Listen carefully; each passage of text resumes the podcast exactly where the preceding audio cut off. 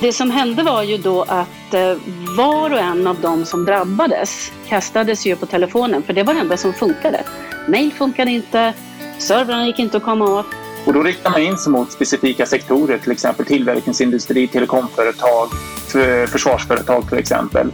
Så det är självklart så att man, man nyttjar möjligheten när man tror att de andra har garden nere helt enkelt.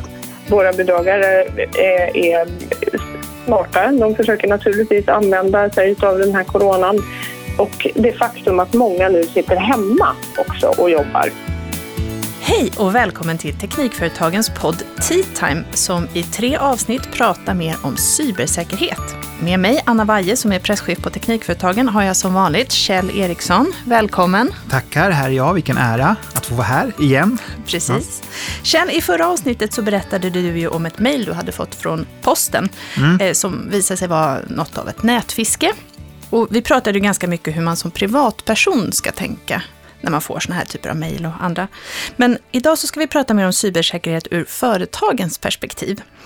Du har ju faktiskt ett eget produktionsbolag.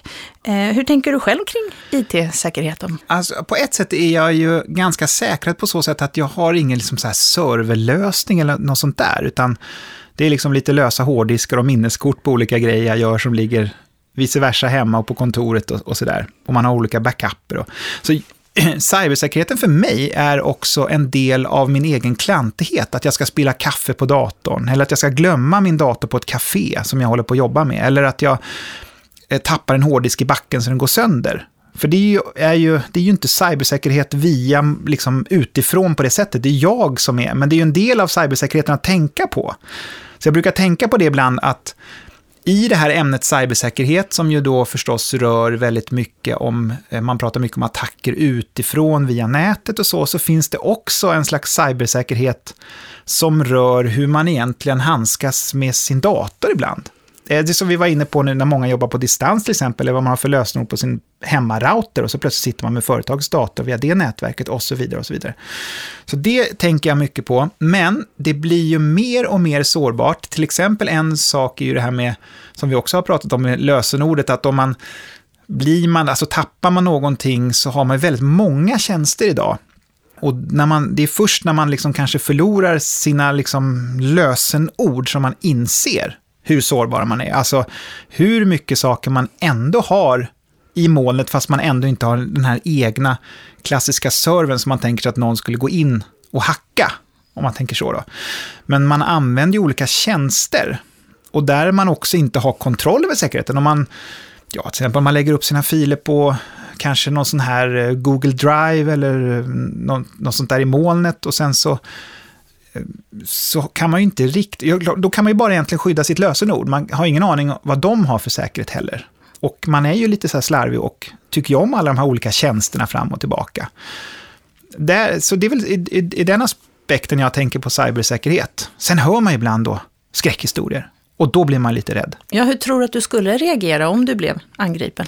Ja, alltså det har ju hänt någon gång att det har ringt någon sån här som säger att de, hallå, hallå, I'm calling from India, Microsoft, eh, och pratar och vill att man ska, please, please go to your computer now, because something has happened. Och så vet man att så här, det där, nej, den enkla går jag inte på. Och då har jag istället haft ganska roligt och så har jag liksom låtsats att jag går in i datorn och pratar med dem i en timme, för att jag har inget annat att göra hemma. så tänker jag, att då kanske jag räddar några andra som hade gått på dem istället. Och så säger jag, oh, uh, uh, my computer is a little slow right now, so just wait so I will transfer money to you, so just wait, fast jag inte gör någonting. och då tänker du att det är lite min hämnd mot de här skojarna som finns där ute, som ju tar sig in via telefonen då. Vad var din fråga nu? Ja, nej, men jag, jag tänker mer hur du skulle reagera. Jag tänker att man kanske jo. är lite olika typer. Vissa kan, alltså om det handlar om mm. att, att vissa kanske börjar förhandla lite, vissa ja. kanske vägrar, vissa hamnar i en chock. Mm. Vi pratade förra avsnittet om den här skammen, att man mm. faktiskt har råkat ut, att man bara kanske hamnar i bli paralyserad. Mm. Där tänker jag lite grann så där när det gäller utpressningslägen, så tänker jag alltid på amerikanska filmer att, och det är också det här, man ska ju aldrig förhandla med terrorister, typ. Som man har Ransom. Ja, att, att någonstans, men så ändå, det finns jättemånga så här thrillers som handlar om att så här, de kommer in och så tar de hela din familj och så säger de så här, om du ringer polisen då. Och jag har alltid när jag tittar på sådana filmer tänkt, men ring polisen då. Fast det ingår ju i filmens liksom dramaturgi att man inte ska våga ringa polisen och så ska det bli bara jobbigare och jobbigare och jobbigare. Och då sitter jag alltid och tänker, hade det här hänt mig, då hade jag ringt polisen på en gång. men, men det där är lättare sagt än gjort. När man hamnar i det kniviga läget, där det kanske finns skam, rädsla, men också, ja, en osäkerhet att man kanske inte vågar ringa polisen. Nej. Och det där kanske vi kan fråga polisen om senare i den här podden. Hur ska man göra? Ja, men först ska vi faktiskt prata med ett företag som har blivit utsatt för en cyberattack och eh, som eh, hade en egen liten lösning på det hela och det är teknikhandelskoncernen Adtech. Alltså man skulle kunna säga att Adtech var företaget som vägrade att förhandla. Aha. Eh, och med oss har vi Kerstin Danasten som är kommunikationschef på Adtech. Välkommen Kerstin! Hej, tack så mycket! Nu vill vi, vill vi höra, vad, vad är det som har hänt, eller vad hände? Det som hände var att vi blev angripna, en cyberattack. Och det var ett så kallat ransomware-angrepp. Man kan väl säga att det är ett cyberbrott där kriminella personer tog sig in och lyckades infektera vår centrala IT-miljö med ett krypteringsvirus. Och sen krävde de då en lösensumma för att ta bort det här krypteringsviruset. Mm. Och det här upptäckte vi på lite, i, i, lite olika takt. Det här var på höstlovet, eh, så flera var lediga och hemma. Eh, men de som jobbade, när de kom till jobbet och försökte koppla upp sig mot servrar och datorer så upptäckte de ganska snabbt att det inte gick. Och några av dem fick till och med upp meddelanden på sina skärmar där det stod att eh, nu har vi krypterat den här miljön och du kommer inte åt dina grejer. Alltså det som hände var ju då att eh, var och en av de som drabbades kastades ju på telefonen för det var det enda som funkade. Mail funkade inte, servrarna gick inte att komma åt utan det var telefonerna och då ringde de vår IT-avdelning och ganska snabbt insåg ju de att här har det hänt någonting stort. Lyckades ta reda på vad det var som hade hänt och eh, startade och aktiverade då hela vår krisorganisation. Vet man då vem som är avsändare av det där Mm. Eh, eller var ska man betala pengar? Eller vad, hur gick det till sen? Då? Vad, kommer något krav De... eller ringer du på en, en farbror och knackar på dörren? Eller? Nej, tack och lov. Så, inga farbröder som knackade på dörren. Utan eh, det som de gjorde var helt enkelt att eh, de placerade ut en och samma mejladress lite överallt i alla de här meddelandena. Det gick inte att missa det. Vi tog ju också in cybersäkerhetsexperter det första vi gjorde. Det var i princip det första samtalet. För det här klarar man inte ensam, utan vi tog in extern expertis. Eh, och genom den här mejladressen då så kom det så småningom ett, ett krav. De ville ha pengar för att låsa upp det här. Mm, hur mycket vill du säga det? Nej, det, det, har vi inte gått ut med faktiskt. Nej. Men det var men en, en jobbig summa såklart, antar jag. Det var inte liksom 130 kronor plus moms. inte 130 kronor plus moms, nej, mm. lite mer än så. Men många företag tenderar ju att mörka sådana här angrepp, men ni valde ju faktiskt en annan väg. Varför gjorde ni det? Ja, alltså för oss så var det nog ganska självklart. Eh, det handlar om ansvar. Vi kände direkt att det här är ju en fråga som är större än, än vad vi är. Eh, det här är, vi hade plötsligt blivit brottsoffer. Och som vi ser det så är det här ett samhällsproblem. Företag måste ju kunna bedriva verksamheter utan att drabbas av grov brottslighet. Eh, och eh, vi förstod ju också ganska snabbt att det, det här är mycket vanligare än vad vi hade förstått. Eh, och då tyckte vi att om, om vi eh, inte betalar utan istället polisanmäler så bidrar vi ändå till att bekämpa brotten på sikt. Vi tror att det finns ett värde i att vara öppna. Men i det här läget där det handlar om så här att ett krav och så betala eller inte, så jag skulle känna i sånt läge också att om man betalar, då har man ju visat att man är villig att betala och ingen garanti för att det inte händer igen om två månader och att man ska betala än mer pengar. Ja, exakt. Och dessutom, hur sunt är det att vilja göda eh, ett kriminellt system? De här pengarna går ju inte till någonting bra. Men upplever du när det har liksom gått ut med att det verkar som att det sitter många företagare som har betalat i någon slags panik och inte har liksom tagit det här upp till ytan? Jag har ingen aning faktiskt. Eh, det går jättemycket rykten om att det skulle kunna vara så. Jag har inte eh, några belägg för det eh, mm. faktiskt. Hur arbetar ni då för att försöka minimera det här? Att det inte ska hända samma sak igen? Vad, vad vi framförallt eh, har gjort, det är ju förutom att förbättra säkerhetslagren, det är ju också att börja jobba med medvetenhet. För det är trots allt när det kommer till kritan så är det oftast den mänskliga faktorn som är viktigast. Att lära alla medarbetare och alla andra just eh, var finns sårbarheterna? På vilket sätt kan jag bli utnyttjad? För de är väldigt förslagna, eh, de här kriminella. Eh, det är också, kan vara värt att veta att vi drabbades av en attack först och då tänker man att okej, okay, det är den här attacken. Men egentligen så får man betrakta det som att det håller på i minst ett halvår för de gör återattacker och försöker på olika sätt komma in igen och har gillrat fällor på vägen också i eh, koden till exempel. Men de jobbar också med att ringa upp folk och säga att hej, jag ringer ifrån IT-avdelningen och jag skulle hjälpa dig att logga in och försöka utnyttja människors eh, tillit. Och det gjorde de med oss också, men ingen gick på det, så de kom inte in. Tack Kerstin Danasten, kommunikationschef för Adtech, och att du var med och gästade oss och berättade om just ert fall. Hej då! Tack själva. Kjell, vi ska fortsätta på det här spåret och prata lite närmare kring hur många företag som faktiskt utsätts för det här och kanske det viktigaste av allt, hur ska de kunna arbeta för att minimera riskerna med just cyberattacker? Jag ska säga välkommen till Patrik Sangren som är expert på digitaliseringsfrågor på Teknikföretagen och Lotta Mauritsson som arbetar på Polisens nationella bedrägericentrum som brottsförebyggare. Välkomna till Tea Time! Tackar. Lotta, om vi börjar med dig. Eh, du jobbar ju på polisen med att hantera den här typen av brott. Ser ni en ökning av antalet eh, anmälda IT-relaterade brott? Nej, egentligen så anmälningarna ser vi inte en ökning på direkt. Eh, vi ser ju en ökning, eller vi har ju en hög nivå när det gäller bedrägerierna som är liksom efterbrottet till det här. Ofta så är det ju någon IT-relaterat brott först och sen så blir det ett bedrägeri sen. Eh, och där har vi en hög nivå och den har ju ökat de senaste åren. Mm. Eh, men vad är det vanligaste som kan hända då?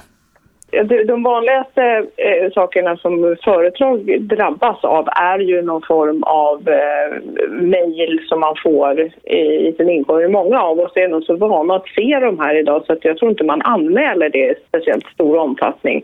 Det handlar ju om mejl där man uppmanas att försöka, någon försöker få en att betala en stor summa pengar någonstans för någonting eller att man utger sig då för att vara någon person på företaget. Så kallade vd-bedrägerier kallar man det för, så då ut, man sig alltid för att vara vd men det gör man ju inte längre utan nu är det någon annan inom företaget.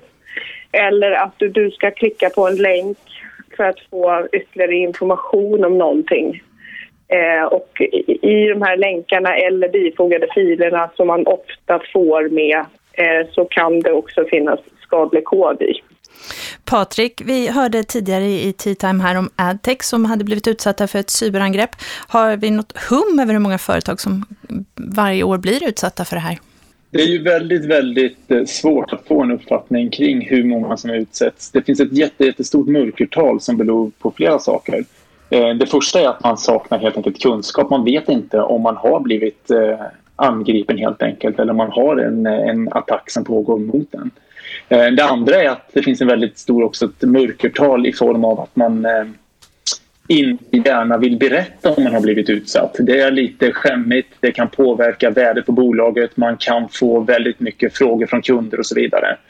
Men när vi från Teknikföretagens sida gjorde en undersökning bland våra medlemmar så visade det sig att nära hälften har blivit angripna, har, har kunnat identifiera cyberattacker under de två senaste åren. Eh, och det är ju en, eh, en enormt hög siffra. Och samtidigt har vi då nästan 10% som säger att de inte vet. Vilket just talar för att det finns säkerligen ett ännu större mörkertal. Men nästan varannan har blivit utsatt, uppger de själva. Och det vi hörde om var just den här utpressningssituationen. Och här får man ju då eh, en undran, jag kan ju vända mig till då till polisen själv här Lotta, att om, mm. man, om man då, det är ju som en, en thriller ju på en, en amerikansk thriller när man kollar på en, någon kidnappningsdrama eller någonting.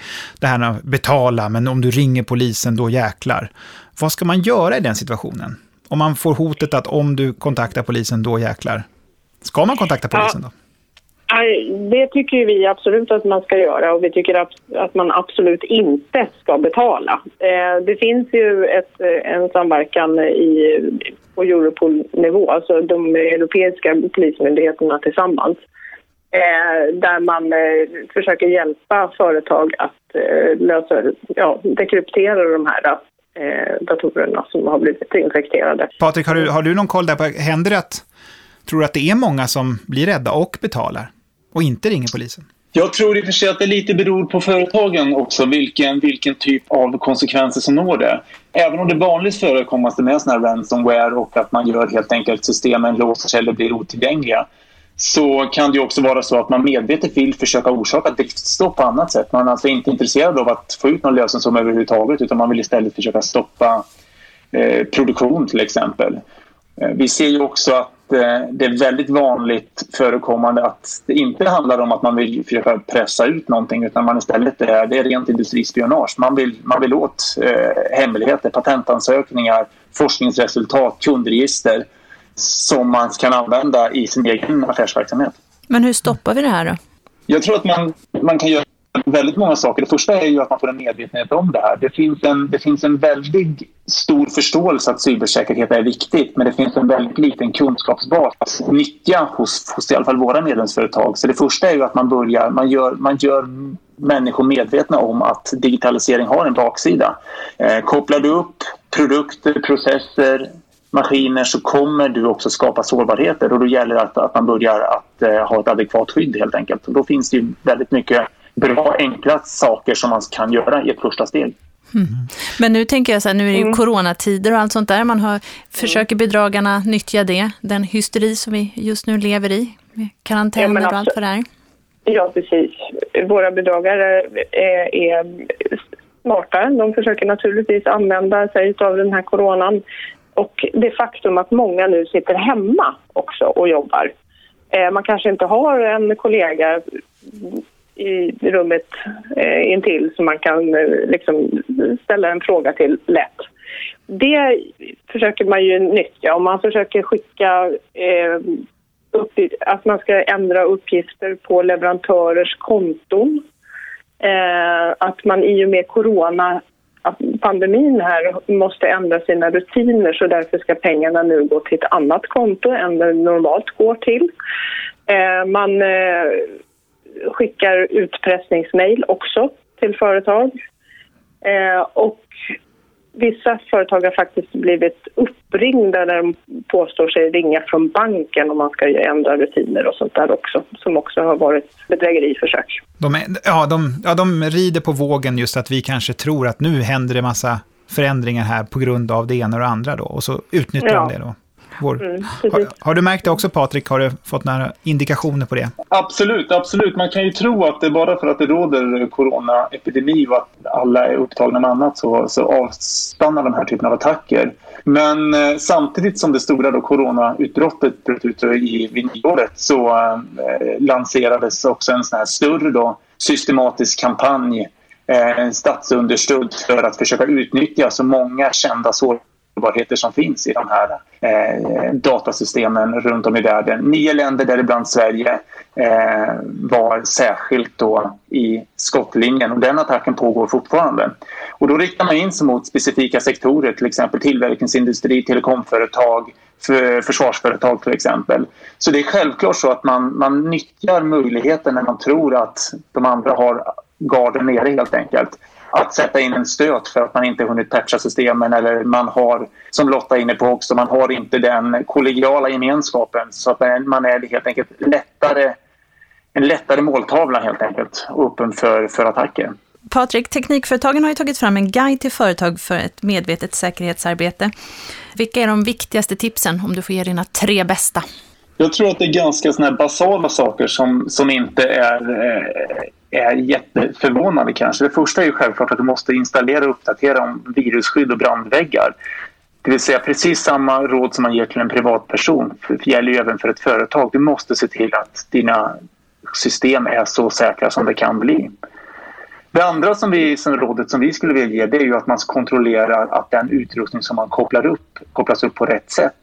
Ofta kommer de här utrustningen med nollställda lösenord eller väldigt enkla sätt som gör att det blir lätt för en angripare som känner till det här hur, hur de här är konfigurerade från början och därför kan också eh, attackera dem. Och det tredje är ju självklart att man måste använda lösenord. Lösenord överallt där det behövs och det ska vara de här starka lösenorden, alltså långa lösenord eh, som, eh, som ger då effekt helt enkelt. Det försvårar i alla fall för en förövare. Stort tack Patrik Sangren och Lotta Mauritsson för att ni var med i Tea Time och berättade om era bästa tips för hur vi undviker eh, cyberattacker. Tack så mycket. Tror du att det finns något bra sätt man kan öva det här? Jag tänker lite ungefär som en brandövning i skolan när man fick springa ut och ställa sig. Och... Mm, jag vet att det finns. Eh, och eh, ett, också ett projekt på gång här i Sverige just för att man ska kunna testa så här. Och det är precis som du säger, det blir som en brandövning, ju, nästan som att man fast inte att man trycker på brandlarmet och sen provar att springa ut, utan snarare skulle det, om man skulle översätta det här, skulle det vara att man hyr in en pyroman som sätter eld på huset och sen ser man vad som händer. Det låter ju det makabert låter... när man ser det på den ur brandsäkerhetssynpunkt. Men i cybervärlden så är det här då en möjlig idé att man helt enkelt beställer en hackerattack för att se vad som händer med systemen och för att hitta då säkerhetsluckorna. Mm.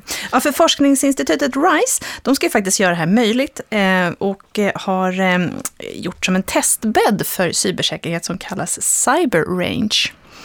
För att höra lite mer om hur det här fungerar har vi med oss eh, Sahid Raza, Director of Cyber Security at RISE. Welcome to Tea Time. Thank you. Thanks, thanks a lot. Yeah. yeah. And you're working in Solna uh, or Kista? In Sweden? Uh, I work yes? in Kista. In Kista, yeah, live in Solna. Live yeah. in Solna.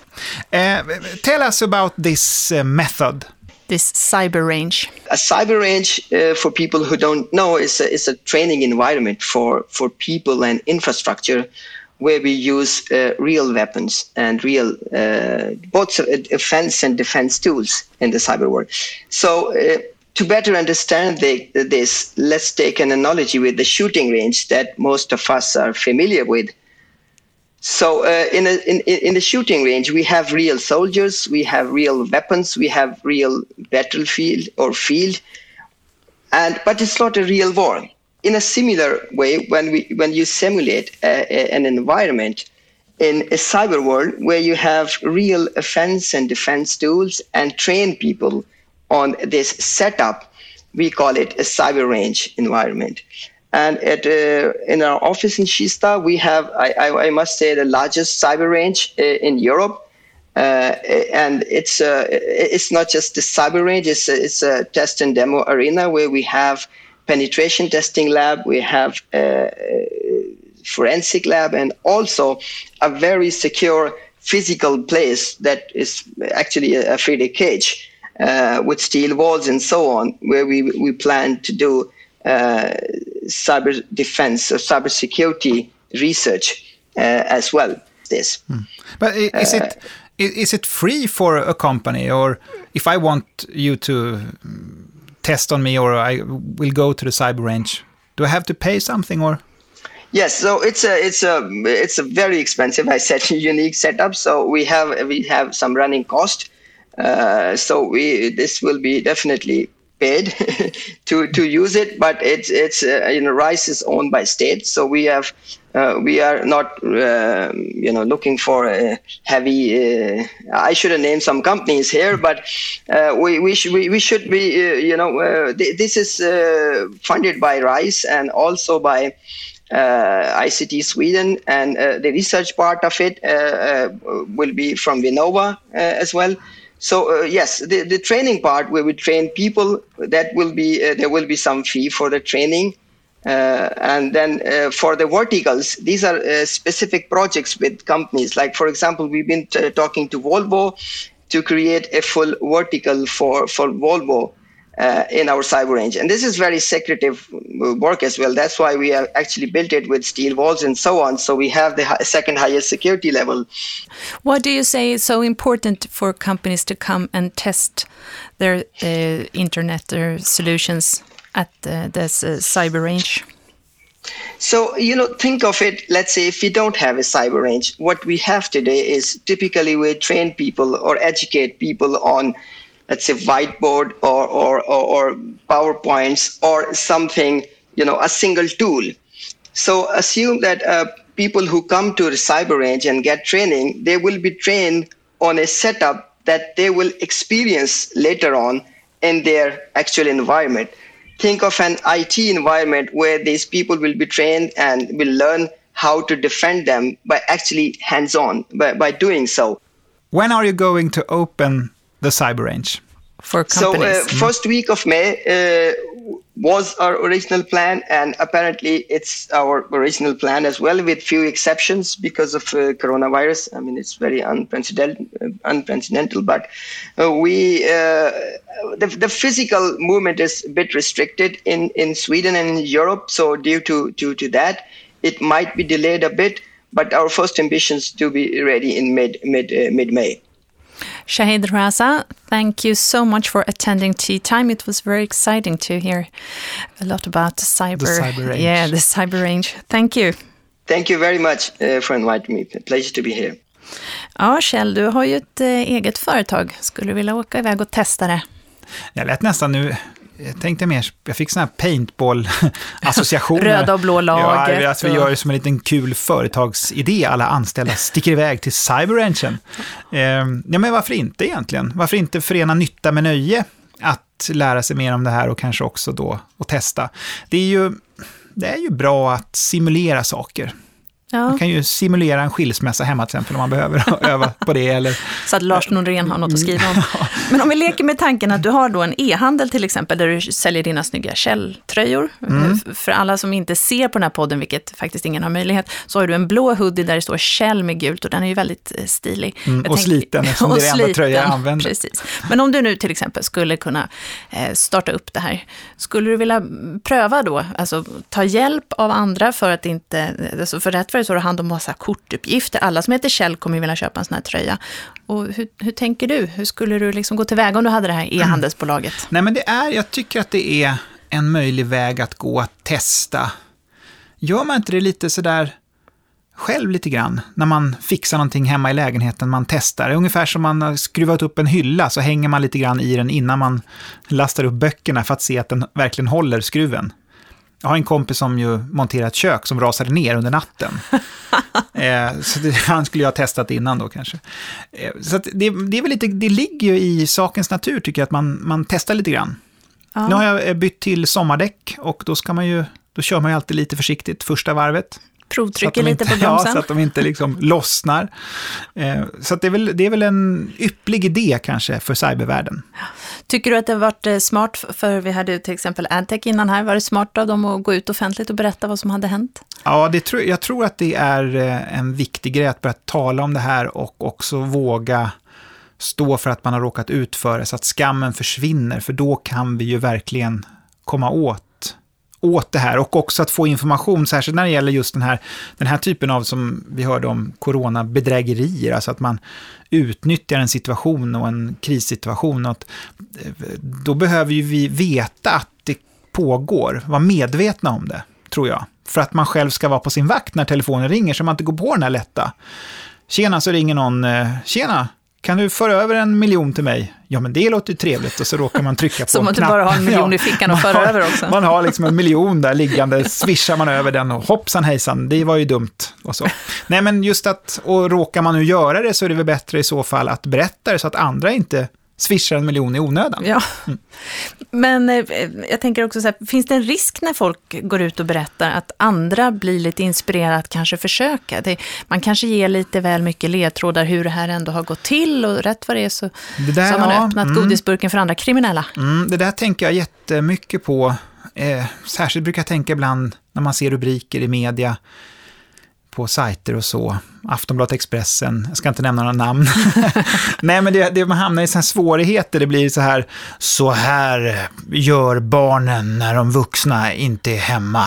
Och så alla barn ser det här och bara, åh, så får de tips.